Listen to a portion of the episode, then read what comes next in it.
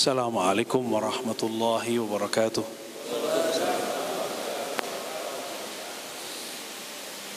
الحمد لله الذي أعز المسلمين بذكر الله وجعله أسلحة لهم في آخر الزمان. أما بعد اللهم صل وسلم وبارك على سيد الوجود سيد الكونين وعلى آله وأصحابه أجمعين اللهم يا أحد صل على أحمد اللهم يا أحد صل على محمد اللهم يا أحد صل على المهدي خليفتك يا أحد yang saya cintai sahabat saya Kiai Sahib semoga dalam ridha Allah SWT Terima kasih sudah memimpin kita semua untuk berzikir mengundang malaikat-malaikat sayyarah mengundang malaikat-malaikat tawafin kalau sekarang sayyarah itu artinya mobil ya Dulu sayyarah itu sebutan untuk malaikat pemburu majelis zikir. Antum sadar atau tidak, saat orang berzikir, itu para malaikat manggil. Eh, eh sini, sini, sini ya, dia majelis zikir gitu. Dan yang unik, malam selasa, itu jarang ada majelis zikir. Dan mereka banyak ke sini. Ya, Cuma sayangnya orang Rumi dikit sekali ke sini ya. Kita ini kurang bersyukur. Antum kalau ke luar negeri di Prancis, di Inggris itu ruko-ruko rumah-rumah kecil dijadiin zawiyah. Dijadiin ribat, kecil, kecil banget.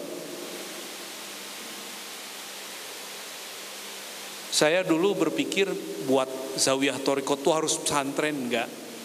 Pulang dari sono ada sahabat kita nawarin ruko langsung saya terima itu tawaran keempat apa kelima gitu dulu ditawarinnya Ustadz terserah Buya terserah mau dipakai apa mau ke bisnis boleh. Lah saya bukan pebisnis. Saya orang Minang orang Padang tapi nggak bisa bisa dagang bib. Nggak bisa dagang mbak Ye. Terus gimana? Saya bisanya ngajar pak. Ya udah terserah Buya deh akhirnya kita buat jadi zawiyah ribat ribat nauronia. Ya. Tadinya mau kita pindahin ke Bogor tapi isyarat isyarat yang kita terima cukup di Ciputat aja ruku aja dulu empat lantai alhamdulillah. Sekarang antum dapat nih berapa lantai nih beb tiga. Tiga lantai atasnya udah jadi masjid gede begini. Masih gak mau datang. Ya salam. Kebangetan itu ya. Tapi ini semoga karena hujan ya. Tapi ini udah rame nih Bib ya. Udah rame nih. Kalau bunuhan kurang rame ini untuk daerah padat kayak di Jakarta dan ya Ciputat. Jiwa-jiwa yang dominan jiwa malakiyahnya jiwa malaikat di dalam dirinya dia akan memburu majelis zikir. Jiwa-jiwa yang rohaninya jiwa an-nafs ar-rabbani maka dia akan mencari majelis-majelis ma'rifat tapi jiwa-jiwa yang di dalamnya ada bahimiyah dia cuma akan mengejar tempat-tempat cari makan. Tempat melepaskan syahwat. Jiwa-jiwa yang dalam dirinya ada sibaiyah dia akan mencari tempat posisi-posisi yang bisa kemudian berlawanan dengan orang. Makanya mungkin di antara ini ada yang mantan-mantan preman. Sukanya nyari lawan aja itu ya. Itu berarti jiwanya jiwa sibaiyah ada lagi yang gawat. Jiwa syaitaniyah. Itu sukanya nipu mulu. Nyamar jadi salik nyamar jadi murid nyamar dengerin sohbah. Nyamar biasa. Tapi semoga yang hadir ini bukan yang nyamar ya. mana ada munafik bisa tahan sama zikir ya enggak? Nggak ada. Paling dia mikir ngapain? Nirak-nirakin Allah kan gitu paling gitu ngomongnya maka inilah rahasia zikrullah dia bisa membakar sifat munafik kebakar sama dia itu tapi setelah terbakar ada efek di badan harus diadamkan dengan solawat. Itulah rahasianya kenapa ba'da khatam, ba'da zikir jama'i, itu ada solawat. Supaya terasa sejuk di kolbu, sejuk dalam jiwa. Ya. Sejuk nggak rasanya tadi? Ya, pas zikir panas nggak? Antum ini kan udah pakai torikot Naqsyabandiyah yang mujaddada yang sudah direvisi. Kalau usul torikoh yang al-awail, usul torikoh Naqsyabandiyah awal, ini pertama az-zikrul khafi. Zikir khafi. Zikir kita tadi khafi atau jahar? Jahar. Ini sudah direvisi karena sudah akhir zaman. Zikir khafi, zikir khafi itu di Naqsyabandi cuma satu, Ismul Jalalah. Allah. Itu aja. Tadi dizahirkan. Ada nggak dalilnya zikir Allah Allah? Kata orang seberang, itu bid'ah. Gimana jawabnya? Gimana jawabnya? Bid'ah nggak? Allahu Allah hak gitu. Kalau nggak ngerti kan apalagi pas nyebut Allah hai kan gitu tar jadinya. Kalau nggak ngerti artinya toh, padahal Allah hayyu qayyum kan begitu. Apa dalilnya? Dalilnya adalah ayat pertama turun. Apa ayat pertama turun? Iqra bismi rabbikal ladzi khalaq.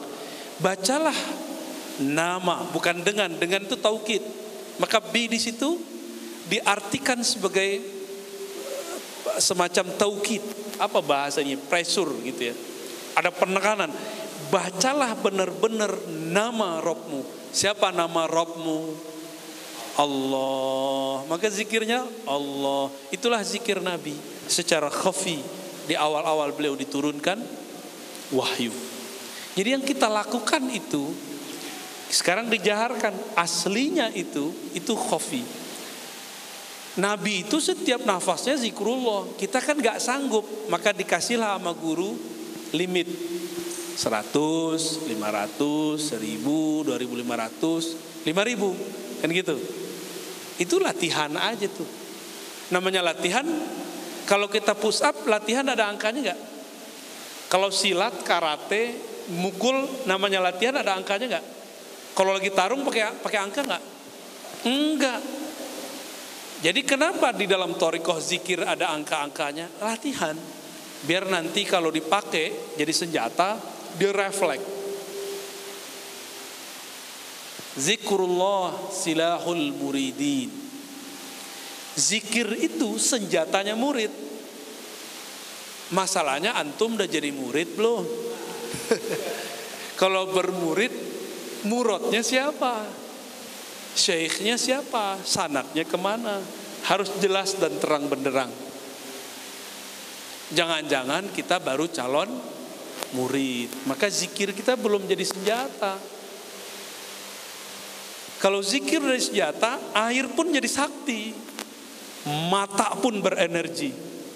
Kata-kata pun terasa berat, tembus ke kolbu. Kalau sudah menjadi senjata. Tapi kalau baru menjadi gimmick ya lumayan lah daripada nggak ada. Benar nggak lumayan? Benarlah kata Imam Notailah Sekandari. Imam Notailah ini sebelum Sidi Bahauddin Syah Naqsyaban ya. Imam Bahauddin kan abad ke-89 ya. 700 eh 800-an ya Pak ya. 400 berapa Bu ya? 470 ya? Sedangkan Syekh Ibn Atta'illah 709. Jadi masa mereka berdekatan. Saat itu nama Naqsyabandi belum ada, baru ada Rujdawaniyah. Ya. Beliau mengatakan la taturki dzikra li'adami hudurika Allah.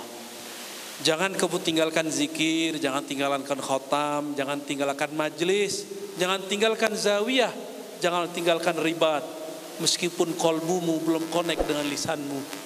Meskipun zikir getaran-getaranmu belum connect dengan yang memimpin zikirmu. Karena satu saat ketika obsesimu untuk mendapatkan rasa itu hilang. Sirnalah sumber rasa. Di saat itulah muncul yang maha memberi rasa. Baru zauknya muncul. Tapi kalau nyari-nyari rasa ya nggak dapat. Karena Tuhannya berubah jadi rasa. Kita ini bukan hamba rasa. Kita ini hamba Allah. Maka jangan mencari-cari rasa. Yang dicari Allah. Kalau dapat Allah, antum dikasih rasa, nggak dikasih rasa masih zikir nggak? Tapi kalau cari rasa, jadi juri mulu. Cek dulu ah kalau zawiyah sini kerasa nggak zikirnya? Kalau nggak kerasa, ah kayaknya pemimpin zawiyahnya, pemimpin zikirnya nggak connect deh. Pindah, pindah lagi. Hamba rasa. Nyampe di sono, kadang dapat, kadang nggak, redup-redup. Padahal yang masalah kolbu dia. Kolbu dia yang redup-redup. Kolbu dia yang, yang padam-padam hidup, mati-mati hidup. Tapi yang dia salahkan orang. Jadi jangan bernafsu dalam berzikir. Ya. Jangan nafsu dalam berzikir. Nafsu pengen nangis, perlu. Nangis itu semuanya bohong kecuali satu. Nangis karena takut kepada yang punya nama. Siapa yang punya nama? Allah. Antum nangis nih karena getaran zikir. Nafas pertama, air pertama ikhlas. Masuklah setan. Apa kata setan? Ente emang hatinya lembut eh bisa nangis. Coba yang lihat yang lain gak ada yang nangis. Ente doang yang nangis. Ente emang wali. Uh, merasalah dia saya doang nih yang ahli maripat di sini. Oh, masuk setan udah. Masuk setan. Maka benarlah di riwayat Ibnu Mulbarok ya. Al-buka tis'ah. Nangis itu ada sembilan jenisnya kulluh kiz illa wahidan. Semuanya bohong kecuali satu. Apa itu? Tangis karena takut atau tangis karena rindu kepada Allah Subhanahu wa taala. Apalagi sekarang disorot-sorot begini kan? Waduh, gawat ini. Tapi ketika orang sudah hilang rasa-rasa itu, yang dia cari adalah Sang Maha Pemberi Rasa. Mau disorot, nggak disorot, mau orang banyak, nggak orang banyak, mau depannya siapa aja. Yang penting disebut nama Allah, dihormati. Imam Al-Kushairi punya kitab Syarah Al-Asma'il Husna. Mungkin nanti ada masanya kita syarah di Rumi ini kitab itu. Kali nanti sabar Bib Di mukaddimah kitab beliau bercerita cara-cara unik orang jadi wali Allah. Jadi ada seorang soleh udah berusaha jadi wali Allah nggak sukses-sukses. Sekali dia lagi lewat di tong sampah. Terlihat di situ ada kertas kaligrafi Alif lam lam ha. Bacanya apa? Allah. Dia lihat ada di situ merinding dia melihat ada nama Allah kok dibuang oleh orang ke tempat tong sampah. Itu ujian buat dia. Itu sampah udah kotor, dia ambil langsung tanpa dibersihan, langsung dia makan. Dia katakan, oh, orang ini tega banget, nama kekasihku, nama penciptaku kok dibuang. Walaupun tadi terlihat jorok, sudah terkena kotoran, dia makan. Di saat itulah tubuhnya bergetar, kolbunya berdebar, jantungnya memompa darah menyebut nama Allah. Begitulah terus sampai terbawa tidur. Dia tertidur, Allah berkalam. Allah datang dalam mimpinya. Wahai hambaku, karena engkau menghormati namaku yang terbuang di sampah. Aku angkat engkau jadi kasihku. Sederhana gak? Udah ngajar sekian ratus kitab. Hafal sekian ribu hadis. Udah punya sanat ribuan syekh. Gak jadi wali. Tapi dengan menyelamatkan satu simbol-simbol Allah. Dia selamat. Itu kertas loh teman-teman. Kertas. Sekarang nama itu diukir di kolbu para rasul. Diukir di kolbu para anbiya. Mereka wafat. terukir di korbu para wali, para syekh, para mursyid, para murid, para salik. Antum mau membiarkan mereka terhina. Inilah yang disebut kekasih Allah. Apa kata Allah? Man adali waliyan faqad azantuhu bil harb. Siapa yang menyakiti orang yang di kolbunya tertulis namaku. Siapa yang menyakiti, menyinggung orang yang di dalam jiwanya terpatri sifat-sifatku. Siapa yang menyakiti orang yang ruhnya musyahadah kepadaku. Azantuhu bil harb.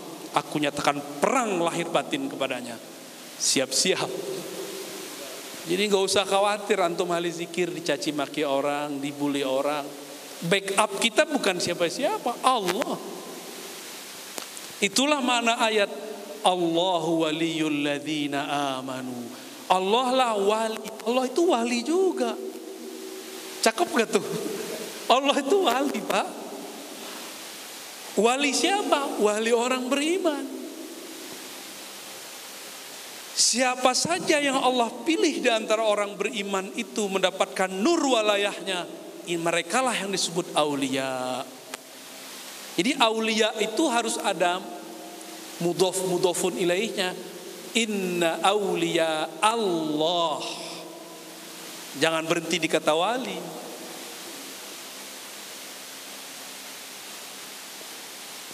Allah menyebut dirinya waliyul lazina amanu wali orang yang percaya. Sedangkan orang yang percaya ini disebut oleh Allah aulia Allah. Jadi hati-hati sama orang yang di kolbunya ada nama Allah. Jangan sakiti, jangan singgung, bikin dia senang. Hormati dia. Mereka sensitif sekali. Kenapa? Jangan-jangan antum jadi wali Allah karena dia ridho. Kertas aja, kertas benda mati nggak? Tinta itu mati nggak? Tapi ketika diukir si pengukirnya ternyata orang yang juga wali Allah. Jadi sehebat apa pun orang, sehebagus apa pun tulisan, itu maksudnya. Jika tulisan itu diukir, gores oleh orang yang kalbunya connect kepada Allah, itu tulisan tuh hidup ada spirit masuk ke dalamnya. Apalagi orang yang di kolbunya selalu ada nama Allah. Itulah alasannya kenapa kita takzim kepada para mursyid, kepada para khalifah, murid, khalifatul muridin ya, para wali-wali Allah. Itu sebenarnya. Ya, karena di kolbunya ada nama Allah. Antum coba lihat hadis Imam Tirmizi Al-Baihaqi, Tabarani, hadisnya sahih. Nanti di akhirat ada seseorang maksiatnya sebanyak maksiat orang di alam semesta. Apa aja dosa dia kerjain. Kebayang mantum, apa aja dosa dia kerjain. Saya yakin tuh orang akhir zaman tuh, orang-orang zaman sekarang tuh. Karena semua dosa dari zaman Nabi Adam sampai zaman Nabi Isa ada sekarang. Benar nggak? Ada semua dan itu bisa diakses lewat handphone semua. Awalnya handphone dulu. Uh, semuanya ada. Dosa Nabi Lut, dosa bukan dosanya Nabi Lut, dosa umat Nabi Lut ada nggak sekarang? Banyak. Aduh, dosa Bani Israel ada nggak sekarang? Lengkap semua. Makanya jadi waliullah sekarang bisa cepet. Tapi jadi wali setan cepet juga. Sama-sama cepetnya. Cepat, cepat sekali. Ah, kalau sekarang orang-orang bisa dia mengendalikan itu semua, dia bisa tembus jalan pintas kepada Allah Subhanahu wa taala. Ah, di akhir zaman inilah semua maksiat ada. Berarti semua taat ada nggak? Jika semua kegelapan ada sekarang, berarti semua ilmu dari awal Nabi Adam sampai sekarang ada nggak? Makanya sekarang antum buka handphone sudah bisa buka semua kitab. Yang udah dicetak bisa dicek. Dulu harus jalan dulu sekian negara baru ketemu. Sekarang buka handphone jadi. Begitu juga ilmu arifat. Orang ini dikeluarkanlah sijil oleh malaikat malaikat hisab. Malaikat hisab ini namanya ada khususnya Ruman tuh apa namanya? Dibukalah laporannya. Dibuka, dibuka nggak habis-habis. Udah sepanjang mata memandang, dosanya belum selesai juga dihitung. Kayak print out. Jam sekian kamu dosa ini, jam sekian kamu dosa ini, jam sekian kamu dosa ini. Gimana tuh antum? Jam sekian kamu dosa ini ya? Dia bilang, iya. Iya, iya terus. Iya, Iya, kamu dulu begini ya? Iya, kamu dulu zina. Iya, kamu dulu korupsi. Iya, kamu dulu bunuh orang. Iya, kamu dulu nipu orang. Semua dosa ada sama dia. Tapi ada satu yang enggak sama dia, syirik. Dilihat-lihat kok enggak ada rasa syirik ya?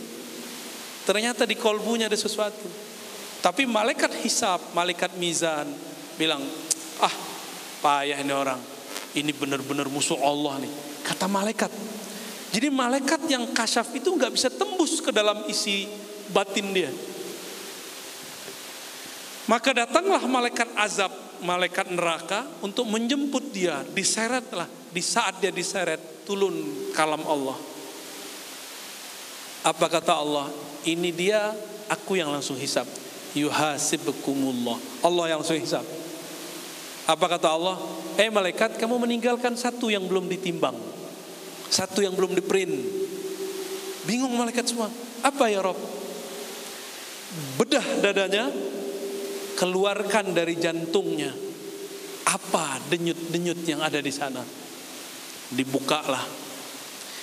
Di riwayat Imam Tirmizi keluar lafaz la ilaha illallah yang dulu pernah ditalkinkan gurunya kepada dia. Di riwayat Imam Al-Baihaqi kisahnya sama tapi lebih ringkas. Inti la ilaha Allah apa? Al Allah keluar lafaz Allah. Itu berdenyut kayak jantung. Allah. Jadi jantungnya itu bunyi Allah, Allah, Allah, Allah. Seperti kata tadi, Allah, Allah, Allah. Jadi lafaz yang tadi antum dengarkan itu, itu dari bunyi jantung sebenarnya lalu dizohirkan. Itu sebenarnya. Ya. Begitu bunyi duh, Allah, duh, duh, duh. Maka kalau orang talkin di beberapa torikot Qadiriyah, Samaniyah dan sebagian Naqsyabandiyah waktu zikir Allah Allah itu diginin Allah Allah. Coba pejam matanya coba pejam matanya coba pelan-pelan. Hujam. Allah ke kolbu. Pegang jantung dada bagian kiri. Baca. Allah Allah. Dihunjam. Kayak tampar kolbunya. Allah Allah Allah Allah Allah Allah Allah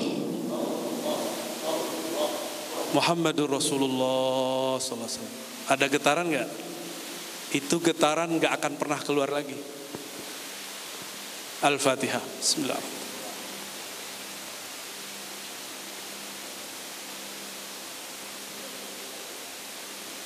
Bedanya kalau di Naksabandi nanti lidahnya dikunci. Kunci ke lidah ke, ke bagian langit-langit. Kepala, matanya dipejam, bahkan kepala pun tidak bergerak lagi. Hanya kolbunya. Allah. Allah. Nggak pakai lidah lagi. Saya cuma nyontohin doh. Jangan-jangan itu orang tarekat Hakoni kali ya. Jangan-jangan. Di kolbunya ada duh, itu malaikat bingung. Wow, bingung malaikat melihat itu. Oh, geleng-geleng kepala mereka. Apa kata Allah? Fazinu maka timbanglah nama Allah yang ada di jantungnya itu. Namaku yang ada di jantungnya itu. Dibandingkan semua dosanya. Di bagian kanan nama Allah, di bagian kiri semua dosa dia. Awalnya goyang-goyang begini ini, ini, ini. Lama-lama kolbunya ya, terus hmm, malaikat geleng-geleng ya Rob, ya Rob, ya Rob, ya Rob. Malaikat pun gak kasaf sampai ke dalam itu. Mursyid bisa tahu mana yang lebih tinggi. Jangan jawab.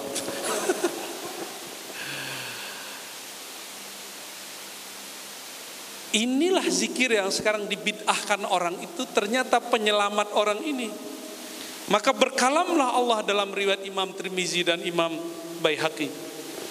Wahai hambaku, seandainya kalimah itu namaku itu ditimbang dengan langit dan bumi bukan hanya dosa dia, langit bumi, maka lebih berat namaku. Jadi antum kalau mau jadi seorang yang kata-katanya berat, banyak-banyak zikir khofi. Jika ingin pekerjaannya berkualitas, kata-katanya bermakna, pikirannya tajam, hantam di situ. Saya ini dulu orang bodoh, bodoh banget. Sekarang tetap bodoh sih ya.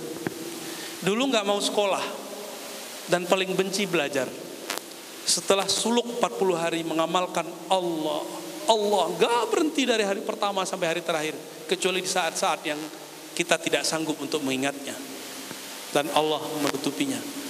Itu setelah 40 hari tidak ada lagi pelajaran mata kuliah yang berat dalam pikiran saya. Yang lebih berat hanya Allah. Langit bumi itu pekerjaan, mata kuliah, mata pelajaran, bahkan matematika, kimia, fisika, filsafat kata orang berat. Kitab Ibn Arabi kata orang berat. Ini nama Allah. Ditimbang kalah semua. Itulah, nah ini bagi yang mahasiswa ini kan ada anak matan nih. Kenapa antum susah nggak belajar? Kenapa antum nggak bisa faham satu objek keilmuan? Karena di kolbunya tidak ada kalam yang berat. Akhirnya kalah oleh kitabnya, kalah oleh materinya. Itu sebenarnya ya. Gimana udah ya? Tuh. Maka teman-teman mulailah ba'da sholat diam sejenak baca nama Allah kayak tadi ya baca kayak tadi ya. Bisa nggak? Tapi nggak perlu pakai gini-gini lagi. Ntar dibilang bid'ah orang ini kan cuma latihan doang. Supaya seirama jantung dengan lisan dikasih tuk tuk tuk gitu ya. Sebenarnya kan nggak perlu. Kalau dulu di di Jabal Abi Kubais di Zawiyah Naqsyabandiyah di Jabal Abi Kubais pakai tasbih yang gede. Jadi syekhnya sengaja. Kan lingkaran tuh. Tak tak kayak ini sama ini itu. Tak tak tak. Di Turki masih ada begitu. Di Syam masih ada begitu, di Aleppo masih ada begitu. Sekarang kita pakai tasbih kecil yang kayak punya Yai Sohib aja udah dibilang bid'ah. Gimana pakai begitu ntar dibilang Buddhis lagi kan. Tak, tak. Maka kita hindari pakai itu dulu sekarang. Ntar ada masanya kita pakai lagi ya enggak? Hah, ulah kali ya. Udah cukup lah. Ah, maka teman-teman tidak adalah zikir yang disusun oleh para masyaih kita kecuali di situ ada rasa, ada sir, ada izin dari Allah, ada asrar-asrar yang Allah titipkan. Beda zikir, beda sir. Maka ikuti saja. Waktu datang kita ke suatu majelis, tanggalkan pakaian-pakaian torikot kita yang lain. Anggap ini riyadul jannah, taman-taman surga. Antum pasti langsung menikmati zikirnya. Tapi kalau bawa, ah, gue punya torikot lain nih, ogah, nggak bisa menikmati. Torikot kan cuma beda jalan aja. Kebetulan sekarang lagi busnya bus Naksyabandi Haqqaniyah. Besok ketemu Qadiriyah, ikuti aja ikuti aja. Jangan jangan pasang berir dalam diri kita. Rahmat Allah kan luas. Jangan sempitkan rahmat Allah dengan jalan-jalan yang kecil. Ya. Tadi saya menyebutkan usul Thariqah Naqsyabandiyah baru satu kan, azikrul khafi. Nanti kalau ada waktu lain lagi kita lanjutkan. Pokok tarikan Naqsyabandiyah kedua itu apa? Ya. Insya Allah next time lain waktu kita tambahkan. Insya Allah. Cukup Bib? Naktafi bilhamdulillahi rabbil وصلى الله على سيد الوجود سيد الكونين سيدنا أحمد سيدنا محمد سيدنا المهدي وعلى آله وأصحابه أجمعين. والحمد لله رب العالمين. السلام عليكم ورحمة الله وبركاته.